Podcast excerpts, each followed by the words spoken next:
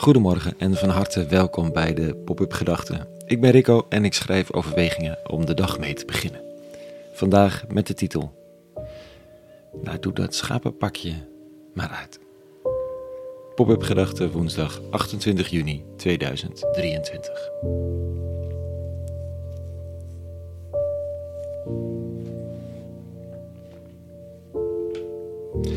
Het is alweer een tijd geleden dat ik een documentaire tegenkwam die me tot op de dag vandaag als een soort graatje in de keel steekt. Het heet Seaspiracy en gaat over onze vis. Over keurmerken, piraterij, stervende oceanen. Echt eentje die je wilt zien als je even vrolijk wilt worden. Not. Niet in je eentje kijken, zo'n film. Je moet echt wel willen. Zeker als je, net als wij, alweer lang geleden, vegetarisch bent gaan eten en denkt dat vis een uitstekende aanvulling is op je vleesloze menu. Je mag ook niets meer zeggen, schreef vriend Monier als boektitel, maar met het onderzoek naar eten bekruip je het, bekruipt je het gevoel dat je ook niets meer kunt. Eten. Kijk, met vis letten we altijd op het keurmerk, MSC. Maar na deze docu weet ik niet meer of MSC eigenlijk ook niet een grondig probleem is.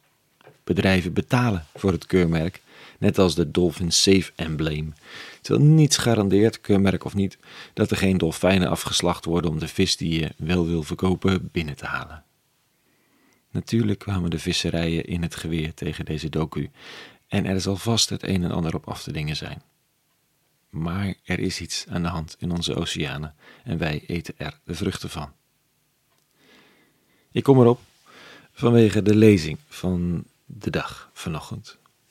In die tijd zei Jezus tot zijn leerlingen: Wacht u voor valse profeten of keurmerken, mensen die tot u komen in schaapskleren, maar van binnen roofzuchtige wolven zijn.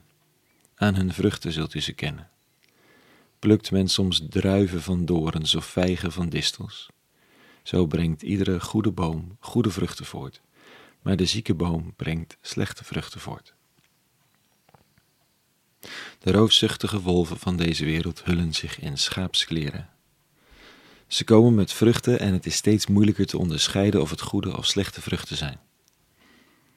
Goed, je kunt achter elke boom een crimineel en achter elk product iets fouts veronderstellen, maar waar het gaat om groot geld, zoals in de wereldwijde visserij, een mega-industrie, is het echt wel opletten geblazen.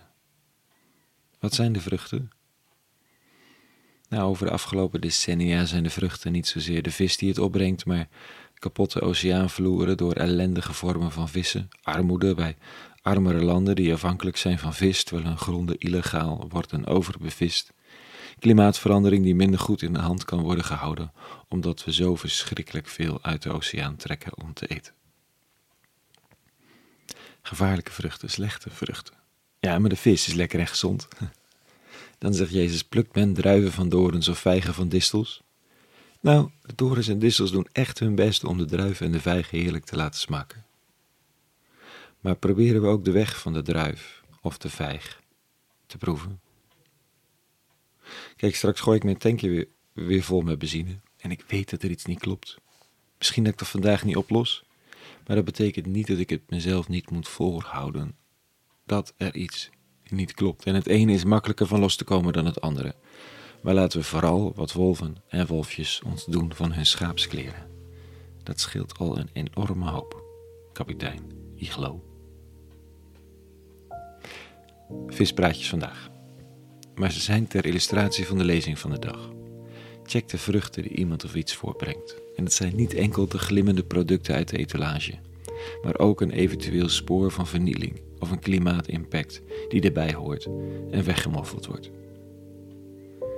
De eeuwige die de wereld zo lief heeft gehad dat hij zijn eigen zoon heeft gegeven, volgens de teksten, hoopt op mensen die de wereld weer zo lief hebben dat ze ook een beetje kijken waar hun vruchten vandaan komen en er iets aan willen doen.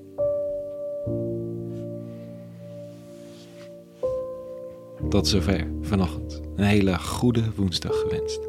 En vrede te midden van al die verontrustende onthullingen en alle, alle goeds.